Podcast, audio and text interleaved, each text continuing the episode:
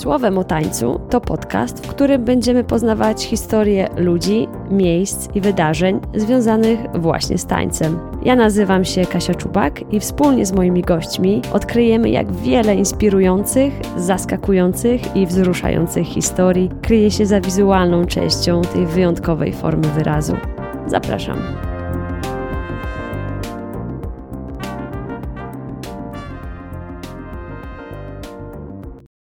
Dzisiaj jest ze mną ktoś, z kim w czasach przedpandemicznych byłoby mi szalenie trudno się spotkać, ponieważ do niedawna mieszkała w Mediolanie, robiąc międzynarodową karierę taneczną w jednej z najsłynniejszych formacji salsowych na świecie Latin Soul Dancers w ekipie Adolfo Indacochea. Kto tańczy w Polsce salsę, ten już wie o kim mówię, a kto nie tańczy, to z wielką przyjemnością przedstawiam moją dzisiejszą gościnę, Edytę Czagowiec. Cześć, dziękuję Ci za zaproszenie. Dziękuję bardzo za przyjęcie zaproszenia. Edyta, co sprowadza Cię do Polski? E, to jest dosyć długa historia. Ja generalnie urodziłam się tutaj w Warszawie um, i około czterech lat temu przeprowadziłam się do Włoch. E, I podczas pierwszej pandemii utknęłam tutaj, no i tak jakby zostałam do dzisiaj praktycznie. A opowiedz nam, jak przeżyłaś ten pierwszy czas pandemiczny, bo z tego co wiem, to podróżowałaś co weekend do innego kraju, miasta, więc jak taka osoba e, na walizkach przeżywa czas, kiedy nagle wszystko się zamyka? No, był to niesamowity szok dla organizmu, e, ale cały czas była, myślę, taka nadzieja, że no dobrze, no to to potrwa tydzień, dwa tygodnie. Potem się mówiło na początku marca, nie no, ale w kwietniu to już wszystko rusza, i z czasem powoli jakby odwoływali te, te wszystkie eventy. I już wtedy wiedziałam, że no dobrze, to chyba troszkę dłużej potrwa. I tak naprawdę byłam w Polsce cały czas na tej jednej malutkiej walizeczce, z którą wyruszyłam. E, to była w ogóle śmieszna historia, bo mm, pojechałam na event do Belgii, z tego co pamiętam, tak. I tuż przed samym pokazem y, powiedziano mi, no dobrze, granice Włoch są zamknięte, nie masz już jak wrócić. E, potem miałam pojechać na dwa dni do Polski e, i stamtąd ruszać bodajże do RPA, ale zawsze przez Włochy. Do Włoch już nie mogłam wrócić, więc tym malutkim plecacz, pleczaczko-walizką e, zostałam w Polsce, przebukowano mi bilety, wylatuję do RPA. Jak po 12 godzinach lotu dowiaduję się, że granice Polski też są zamknięte. Więc wszędzie, wszędzie mnie gonił ten, można powiedzieć, ten koronawirus. Po evencie tam jakimś cudem udało mi się wrócić tutaj do Polski, no ale już bardzo długo nie udało mi się z niej wyjechać. I czy zmieniłaś podejście z czasem, bo to był w zasadzie już niedługo minie rok? Tak, bo na początku mm, bardzo źle to znosiłam, mm, tą taką niepewność, bo okej, okay, minął marzec, minął kwiecień, ja cały czas opłacałam swoje mieszkanie w Mediolanie i cały czas czekałam na jakieś nowe wiadomości, przebukowywałam te loty, yy, ciągle zmieniałam, jakby to było takie ciągłe oczekiwanie. Potem w lato udało mi się tam pojechać na, na około 2-3 miesiące. Potem, jak się dowiedziałam, że znowu coś się zaczyna zamykać, to już od razu zdecydowałam, dobra, tym razem biorę większą walizkę, jadę do Polski i zobaczymy, co się, co się będzie działo. Jakby nie warto żyć w takiej niepewności, zobaczymy, co będzie po prostu. A właśnie, co będzie? Jakie masz plany na przyszłość, taką najbliższą, biorąc mm -hmm. pod uwagę to, że nagrywamy tę rozmowę pod koniec stycznia? Tak jak wspominałam, jakby już przestałam czekać, przestałam planować, e, nauczyłam się żyć tym, co tutaj, dzisiaj, jakie możliwości mam na, na dzisiaj. I czekam, ro, robię to co, to, co mogę, a cieszę się, że w Polsce mimo wszystko można dużo robić. I tyle, jakby więcej. Staram się po prostu nie planować i naprawdę o wiele lepiej mi się żyje. A czy otworzyły się jakieś możliwości w związku z tym, że, że jesteś Ty w Polsce i też wielu innych tancerzy z całego świata gdzieś tak. tam spłynęło na jakiś czas do Polski? Tak, to jest w ogóle piękne, że mm, Polska tutaj, warto powiedzieć, jest jednym z naprawdę bardziej otwartych krajów. Mimo to, co my tutaj czujemy, że, że to jest takie niesprawiedliwe, że tylko nam się to dzieje, nie na całym świecie jest naprawdę o wiele gorzej, więc jestem bardzo wdzięczna, że możemy tutaj być, prowadzić zajęcia, e, lekcje prywatne, treningi. To wszystko tutaj działa i to też sprowadza osoby z zagranicy do nas. E, więc to był też bardzo ciekawy czas, pospotykałam dużo fantastycznych ludzi.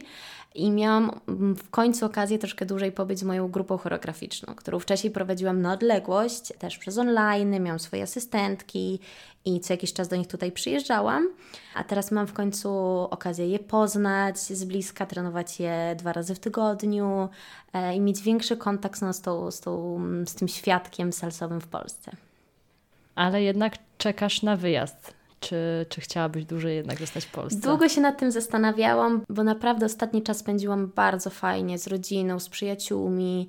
Przez to, że wyjechałam do Włoch do pracy i tak naprawdę cały czas skupiałam się tam tylko wyłącznie na tańcu, nie miałam okazji wychodzić, spotykać ludzi stamtąd, więc nie mam takiej sieci przyjaciół, y, tak jak tutaj. I przez chwilę miałam ten taki pomysł, no to może może to już czas, może ja tutaj sobie jednak na dłużej zabawię, ale już teraz nie wiem, czy to kwestia tej szarej pogody, że, że jednak czuję, że moje miejsce jest jeszcze, jeszcze na długo gdzieś indziej. Co Cię motywuje do, do wyjazdu? Myślę, że przede wszystkim poziom, poziom tańca. Jakby tutaj, tak jak mówię, spotkałam niesamowite osoby, które też się bardzo angażują, ale za mało jest takich osób, które z tego żyją i chcą dać siebie 150%. I to jest na wysokim poziomie, że czułabym, żeby, że ktoś mi ciągle po, po piętach depcze. Tego mi chyba naj, najbardziej brakuje. No właśnie, bo przechodzimy do takiego wątku tego, że jesteś zawodową tancerką, poświęcasz się temu w 100%. Kiedy zrozumiałaś, że można w ogóle żyć z tańca, że to może być zawód? Ja zaczynałam ogólnie tańczyć cheerleading, tańc jazzowy, jakieś tam może kabaretowe rzeczy. Przez przypadek dostałam się właśnie do takiej grupy pokazowej i byłam w ogóle zachwycona, że ktoś mnie chce, że gdzieś mogę się pokazać z tymi choreografiami, które trenujemy. I po miesiącu, ja miałam wtedy bodajże 14 lat, po miesiącu szefowa, liderka grupy wręczyła mi kopertę z, z pieniędzmi. Ja tak, ale, ale dlaczego? Jakby co, coś Ci pożyczałam i nie pamiętam. No nie no, zrobiłaś tyle i tyle pokazów w tym miesiącu, to są Twoje pieniądze. I dla mnie to było takie, wow, to ja myślałam, że to ja za to płacę, to jest taka przyjemność i jeszcze mi za to będą płacić. Wtedy to było pierwsze takie spojrzenie, że mogę z tego tak naprawdę kiedyś w przyszłości wyżyć. A propos tego, że można z tego wyżyć, jakie źródła utrzymania ma tancerz? Są tak naprawdę dwie drogi tego, jak tancerz może siebie wykreować, bo można być albo tancerzem, performerem tak zwanym, czyli głównie żyjesz z pokazów, zrobienia choreografii, właśnie czy podróżowania, czy nawet, nawet być w jednej lokalizacji, ale mimo wszystko robić pokazy, czy w teatrach, czy na festiwalach, albo być stricte nauczycielem. Wystarczy być tak naprawdę w jednej szkole tańca, rozbudować sobie grupę kursantów i to już może być wystarczające. Wiele osób myśląc o pracy tancerza, no to myśli sobie, ok, no to ktoś uczy tańca, czy tam głównie spędza czas na sali, to wiem, że się zmienia i tych elementów składowych jest pewnie znacznie więcej. Jakie elementy pracy zawodowego tancerza e, widzisz ty, czy zajmują tobie czas poza czasem na sali, który też pewnie składa się z różnych elementów, więc jakbyś mogła nam trochę odpowiedzieć o tych właśnie elementach pracy tancerza. To jest taki, żeby powiedzieć, kliszej, e, jak Ci pytają, a to co robisz, jesteś e, tancerką? Tak, ale to tylko to? No tak, nie masz żadnych pasji. No mam, ale to wszystko jest wokół tańca. Nie ma tak naprawdę czasu na, na nic innego, bo chcesz z tego dać z siebie 150%. I tak jak mówisz, to nie jest tylko ok, pojeżdżę po świecie, tutaj dam jeden pokaz i mam e, cały dzień wolny. Tylko to jest właśnie to siedzenie na sali, trenowanie, przygotowanie choreografii. Też ludzie często tak patrzą, no to co ty zarabiasz za te dwie minuty, które pokazałaś na scenie? To naprawdę tyle kosztuje, żebyś ty zatańczyła dwie minuty? No tak, ale na to się składa godziny treningu, szkoleń, własnych jakichś treningów nie tylko tanecznych, ale i przygotowania motorycznego, stretchingu, układanie choreografii, branie zajęć z innych e, technik. E, także to wszystko się składa na taki aspekt stricte taneczny, a oprócz tego są te wszystkie rzeczy jeszcze E, z drugiej strony, tak naprawdę musisz mieć wiele różnych profesji, żeby się umieć wypromować, umieć sobie zrobić dobry makijaż przed wyjściem na scenę, dobrą fryzurę, zaprojektować kostiumy. To często wiele tancerzy robi też samych kostiumy, wykleja, żeby to było zawsze po kosztach. Samo zajmowanie się social media, co teraz to ma jak największą rolę, zwłaszcza w tych czasach pandemicznych, gdzie niestety wszyscy siedzimy z telefonami w ręku. Jak nie macie w sieci, to, to cię nie ma. I to też nie jest takie, ok, wrzucam jeden, jedno zdjęcie na, na, nie wiem, na Instagrama i dziękuję, do widzenia. Jest y, cała nauka za tym idzie. Jest naprawdę dużo aspektów, dużo rzeczy trzeba umieć robić, żeby być takim pełnowymiarowym tancerzem. Kiedyś mam nadzieję, że dochodzi do takiego y, etapu, gdzie stać się, żeby mieć swojego asyst asystenta, osobę, która ci ucina muzykę, projektuje stroje. No, to jest takie marzenie, ale szczerze nie znam żadnego tancerza salsy, który by miał osoby od każdej, e, od każdej dziedziny, więc wiele rzeczy musimy, musimy się sami po prostu nauczyć. Ty wielu rzeczy się nauczyłaś, bo dostałaś się do jednej z najlepszych grup e, salsowych na świecie, tak jak wspomniałam na wstępie. E, powiedz nam, jak to się wydarzyło. Ja zawsze mówię, że to była, to była kwestia bycia w odpowiednim czasie, w odpowiednim miejscu. Przyprowadziłam się do Włoch tak naprawdę głównie z powodów tanecznych, bo Mediolan jest stolicą salsa od bardzo dawna, ale złożyło się tak, że poznałam też yy, mojego ówczesnego chłopaka, który tam mieszkał, więc ja już zdecydowałam od razu po studiach się tam przeprowadzić. E, licząc na to gdzieś po cichu, że będę mogła chociaż trenować z tymi osobami, uczyć się od tych największych sław, E, między innymi Adolfo i dwa miesiące po mojej przeprowadzce, gdzie się spotkaliśmy na festiwalu i on po prostu mnie spytał e, Edyta, słuchaj, bo jedna z dziewczyn odchodzi od nas, mamy miejsce na, na jedną tancerkę od zaraz, e, to jak mieszkasz w Mediolanie, to przyjdź na trening. Ja taka cała szczęśliwa, myśląc, że okej, okay, to już, to już moje marzenie się spełnia. Potem się okazało, że to nie było takie łatwe. Poszłam tam, zaczęłam z nimi trenować i troszkę więcej mi to czasu zajęło nauczenie się tego wszystkiego niż, niż początkowo myślałam. Także swoje tam musiałam wypocić, żeby się tam dostać tak naprawdę, bo jakby od szansy trenowania z nimi do pierwszego pokazu to jest też, może być dosyć długi proces. A czy salsa w Polsce i we Włoszech czymś się różni? Czy całe to środowisko? Jak to wygląda? Szybciej by było, jakby się spytała, czym się nie różni, bo, e, bo różnice są ogromne. E, ja też żyjąc tutaj myślałam, że już zrobiłam wszystko, że ja przecież tyle trenuję i dopiero jak wyjeżdżasz, to się okazuje, co to znaczy prawdziwy trening, e, na co jakby że żyjesz tym od rana do nocy. A właśnie co to znaczy prawdziwy trening? Jak wygląda takie życie codzienne osoby, która pracuje w jednej z najbardziej znanych grup salsowych na świecie? Jest dużo takiej samodzielności potrzebnej, bo tutaj jesteśmy przyzwyczajeni do tego, że idziesz gdzieś i ktoś ci mówi, co masz robić, i ty to robisz. A tam jednak trzeba się wykazać tym, okej, okay, nauczę się sama choreografii z filmików, przyjdę wcześniej na salę, musisz pokazać, że ci naprawdę zależy, bo jest cała lista osób na Twoje miejsce. E, więc oprócz tego dodatkowego starania się, to to są treningi po kilka godzin tak intensywne, że mm, no, kilka razy zdarzyło mi się zwymiotować ze zmęczenia na sali. E, wow. To, są, to, są, to są takie treningi. Nie tak jak tutaj wcześniej robiłam, że ok, spędzałam cały dzień na sali, ale to było pogadam, tu się porozciągam, tutaj porobię coś. Tam nie wchodzisz na salę, jest trening od początku do końca. I jest szef, który, ok, coś ci pokaże, ale on nie jest tam, żeby cię nauczyć. To ty masz mu pokazać, że ty się sama tego nauczyłaś i on ewentualnie coś może poprawić. Więc czego się tam nauczyłam, to też takiego szacunku do tego lidera, że on tak naprawdę to nie on jest tam, żeby mnie motywować, tylko ja swoim zachowaniem mam motywować jego, żeby jemu się chciało przyjść na ten trening, pokazać nam e, nowe choreografie, nowe kroki. E, samo to, że on choreografuje na, na tobie, to jest dla tancerza po prostu niesamowite przeżycie. Bo widzisz jakby jak te pokazy, które kiedyś oglądałam e, ze łzami w oczach, bo sobie myślałam, nie no, ja przecież nigdy do takiego etapu nie dojdę. I widzisz, jak te choreografie powstają na Twoich oczach. Więc to jest naprawdę, aż, aż, aż mam ciarki teraz, jak, jak o tym opowiadam. A co sprawiło, że Adolfo jest takim znanym liderem? Miałaś okazję z nim pracować? Jakie elementy czy jakie cechy jego osobowości sprawiły, że, że jest marką samą w sobie?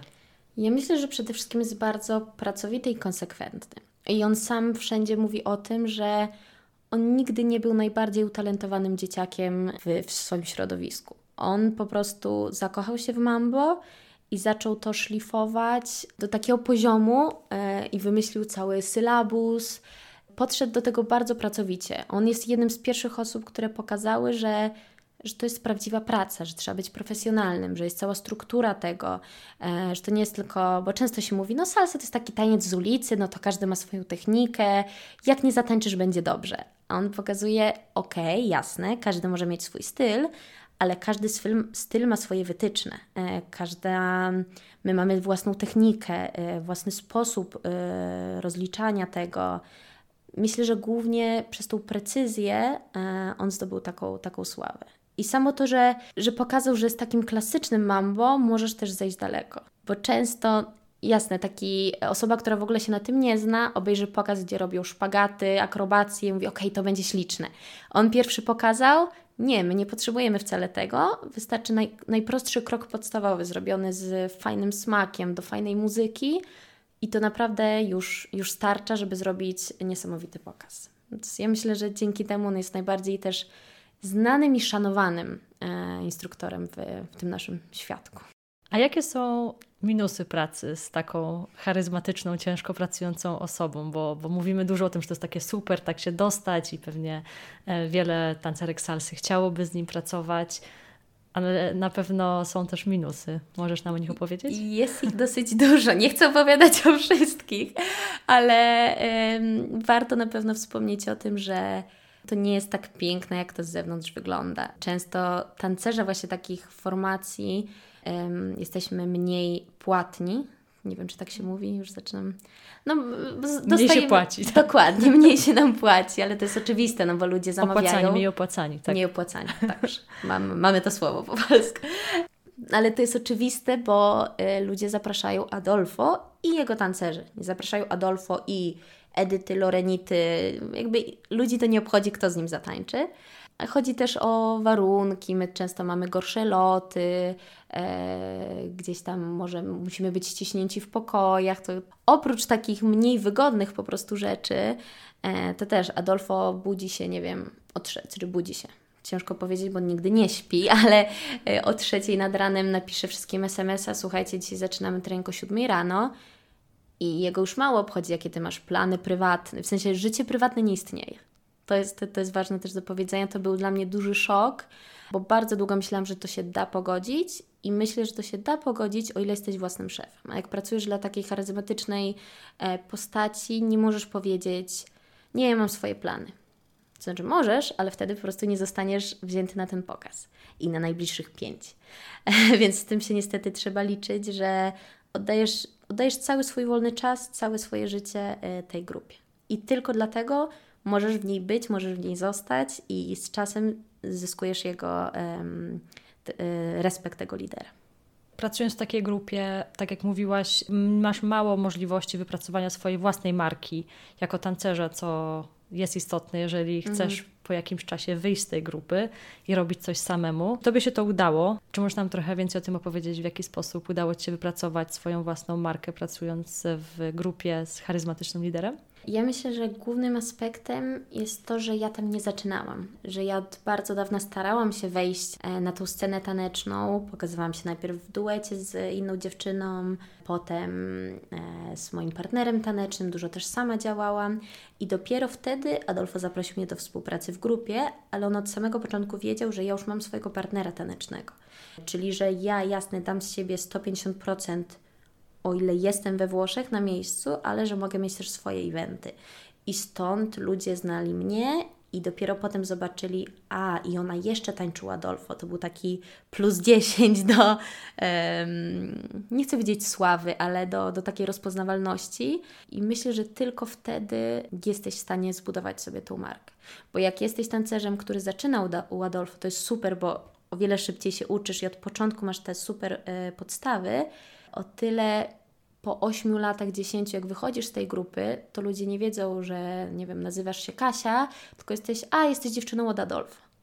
Więc wtedy to jest bardzo ciężkie gdzieś tam zapracować na to swoje nazwisko i zbudować swój własny styl, żeby nie kopiować po prostu to samo, co robiłam u Adolfo, zatańczę gdzie indziej. Nie, bo musisz pokazać swój charakter w tym wszystkim. Wspomniałaś o tym, że e, masz swojego partnera tanecznego. Co to jest za historia? E, z Talalem to jest dosyć ciekawa historia, bo znamy się i współpracujemy razem od ponad 7 lat, ale ciekawostką jest to, że nigdy nie mieszkaliśmy w tym samym kraju. Ja początkowo w Polsce, potem we Włoszech, a on zawsze mieszkał w Belgii. on bardzo długo szukał partnerki tanecznej, pytał różnych moich koleżanek, e, ale z nikim jakoś to nie, nie działało. My spotkaliśmy się na jeden trening, ja powiedziałam, jasne, spróbujmy. I spotkaliśmy się na trening i mieliśmy super czas. Naprawdę fajnie nam się współpracowało, wyszliśmy z wieloma pozytywnymi emocjami i tak już po prostu została. To nie jest łatwa sprawa, bo nigdy nie byliśmy w 100% przygotowani na te pokazy. On przyjeżdża do Polski, spotykamy się tutaj w Polsce zazwyczaj w okolicach Gwiazdki, Świąt i w lato, wtedy kiedy mamy mniej eventów i staramy się stworzyć nowy pokaz.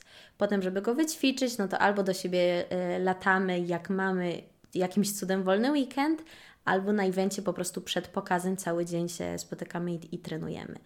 E, więc to, to nie jest tak, nie jestem potem w stanie być w 150% zadowolona z tego, jak ten pokaz e, wyjdzie, bo nigdy nie ma czasu przetrenowania tych detali, techniki, ale jakoś patrząc na to, że cały czas po 7 latach coraz więcej mamy pracy, to widać, że ludziom się mimo wszystko to podoba i, i dajemy im coś innego, czego, czego od innych par nie dostają. Ja myślę, że to jest głównie ta energia, bo ja też prywatnie się bardzo przyjaźnię z Talalem, mówię, że to jest mój starszy brat, bo naprawdę świetnie się razem dogadujemy i myślę, że to widać na scenie, jesteśmy w stanie to przekazać.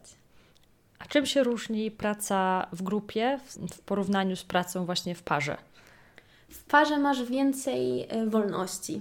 Mm, jesteście tylko wy we dwoje i to też nigdy nie było tak, że ja pracuję dla Talala. To było zawsze, że to jest współpraca 50-50 i oboje decydujemy o tym, nie wiem, które, na które eventy pojedziemy, kie, mm, decyduję o własnych lotach, o choreografii, tworzymy choreografię wspólnie, e, zarabiamy też mm, porówno, e, to jest, to jest równopartnerski układ.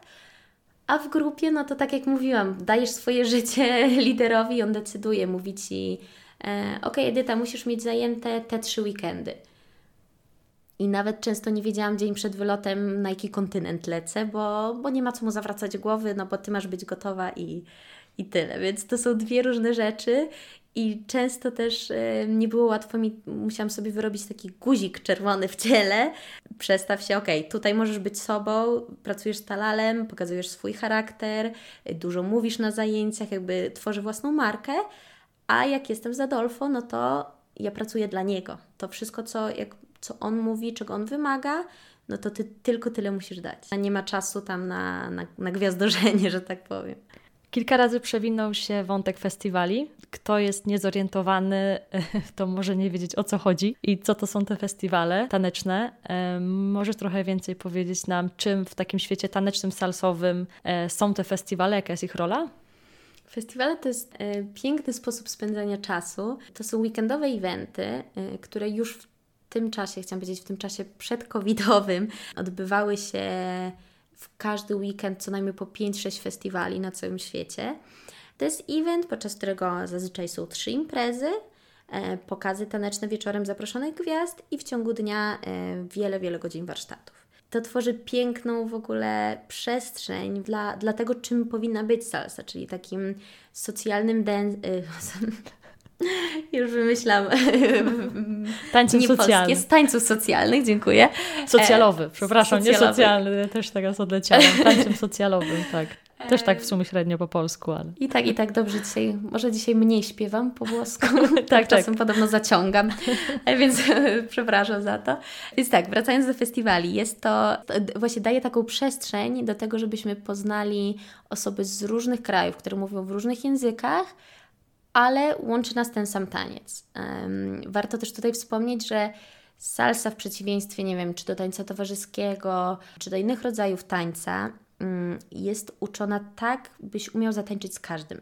Znaczy, to jest taniec, w którym się uczy prowadzenia, podążania za tym prowadzeniem, więc naprawdę ja mogę nie mówić w tym samym języku y, co inne osoby, a i tak się jesteśmy w stanie dogadać na parkiecie, e, łączy nas wspólna muzyka i to jest naprawdę świetny sposób na spędzenie czasu. To są imprezy całonocne, jesteśmy tam, nie wiem, do 6 nad ranem i następnego dnia są warsztaty. To są naprawdę bardzo intensywne e, weekendy.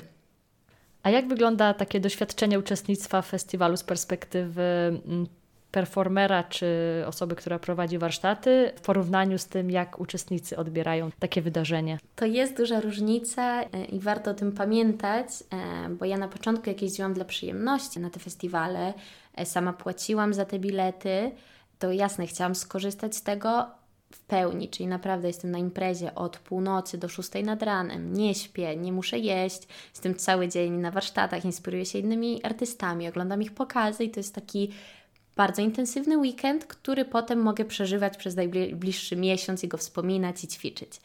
Ze strony performera, jak zaczynasz to robić w każdy weekend, dochodzą międzynarodowe loty, wiele godzin nieprzespanych, już nie jesteś w stanie tak intensywnie z tego korzystać. I często ludzie mają do ciebie pretensje, że okej, okay, dlaczego tak byłaś krótko na imprezie, my chcieliśmy z tobą zatańczyć. Tak, ja też cały czas to uwielbiam, ale mm, jednak zdrowie też jest ważne. Ja, żeby być w stanie dobrze poprowadzić zajęcia, nie mogę być po całym miesiącu niespania i niezdrowego jedzenia, no bo ten organizm po prostu się, się wykończy w którymś momencie. Więc to zawsze jest troszkę mniej intensywne. I to jest coś, czego też się nauczyłam w tym okresie, e, że jednak zdrowie jest bardzo ważne. Że czasem warto, chociażbym nie chciała, to warto z czegoś zrezygnować po to, żeby być wyspanym, e, zjeść zdrową potrawę, e, nie, nie wykańczać organizmu, bo po prostu chcemy, żeby nam służył jak najdłużej. Więc to, to jest taka moja przestroga dla wszystkich, że wiem, że zwłaszcza do tych młodych, którzy zaczynają, dopiero ja pamiętam, jak kiedyś naprawdę mogłam przez wiele tygodni nie spać i tak się robiło, ale no ten organizm bardzo szybciej, bardzo szybko się męczy. Więc pamiętajcie o tym i wysypiajcie się, bo naprawdę to jest ważne.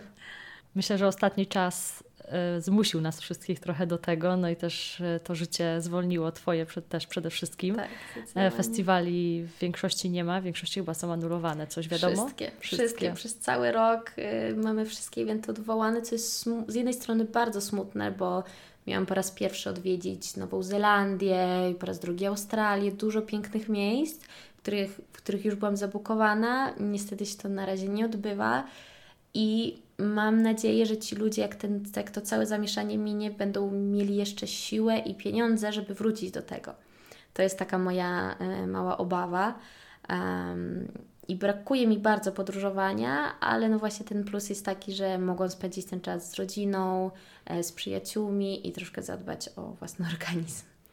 Jak wygląda nauka osoby, która przyjeżdża na takie festiwale taneczne w porównaniu do nauki w takiej regularnej grupie?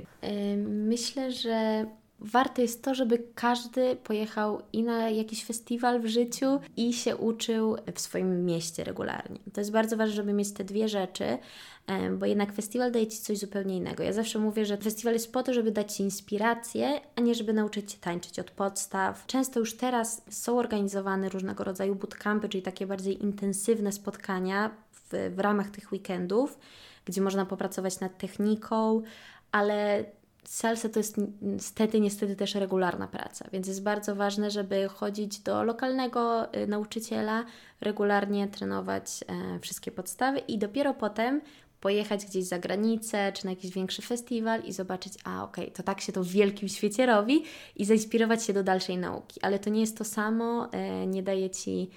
Festiwale nie są po to, żeby uczyć, ale żeby zainspirować raczej. Życzę sobie nam, Tobie i organizatorom festiwali, żeby jednak wróciły w tej czy innej formie offline'owej. Poza marzeniem powrotu do podróży i festiwali, jakie masz jeszcze plany, marzenia na przyszłość? Nie mam jednego celu, marzenia, do czego chciałabym dojść w najbliższym czasie. Ja chyba raczej sobie życzę, żebym jak najdłużej była w stanie robić to, co, to, co robię teraz, czyli występować, e, uczyć, inspirować ludzi, bo to jest coś, co mi daje największą satysfakcję. E, moim małym marzeniem jest to, żeby, żeby jakoś do tej salsy włożyć też większą świadomość. To znaczy świadomość tego, że właśnie jak ważna jest technika, fundamenty tego tańca, ale ostatnio dzięki temu, że miałam troszkę więcej czasu na to, e, zakochałam się też w pilatesie, w treningu, w przygotowaniu motorycznym tancerzy i chciałabym to coraz, e, coraz częściej do świadomości wprowadzać, e, żeby uniknąć e, kontuzji i jak najdłużej być w stanie wykonywać ten zawód. I mam nadzieję, że znajdę swoje miejsce na świecie. Dobrze się czuję we Włoszech, ale myślę, że jeszcze mm, będę miała okazję znaleźć jakieś takie moje miejsce na świecie, gdzie będę mogła tą pasję e, rozwijać. Tego Ci życzę. Dziękuję, Dziękuję bardzo. bardzo za świetną rozmowę. Dziękuję za cudowny czas. Do usłyszenia.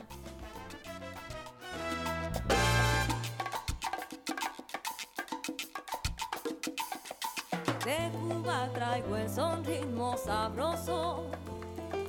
De Cuba dulce caña y rico ron. Café como no hay otro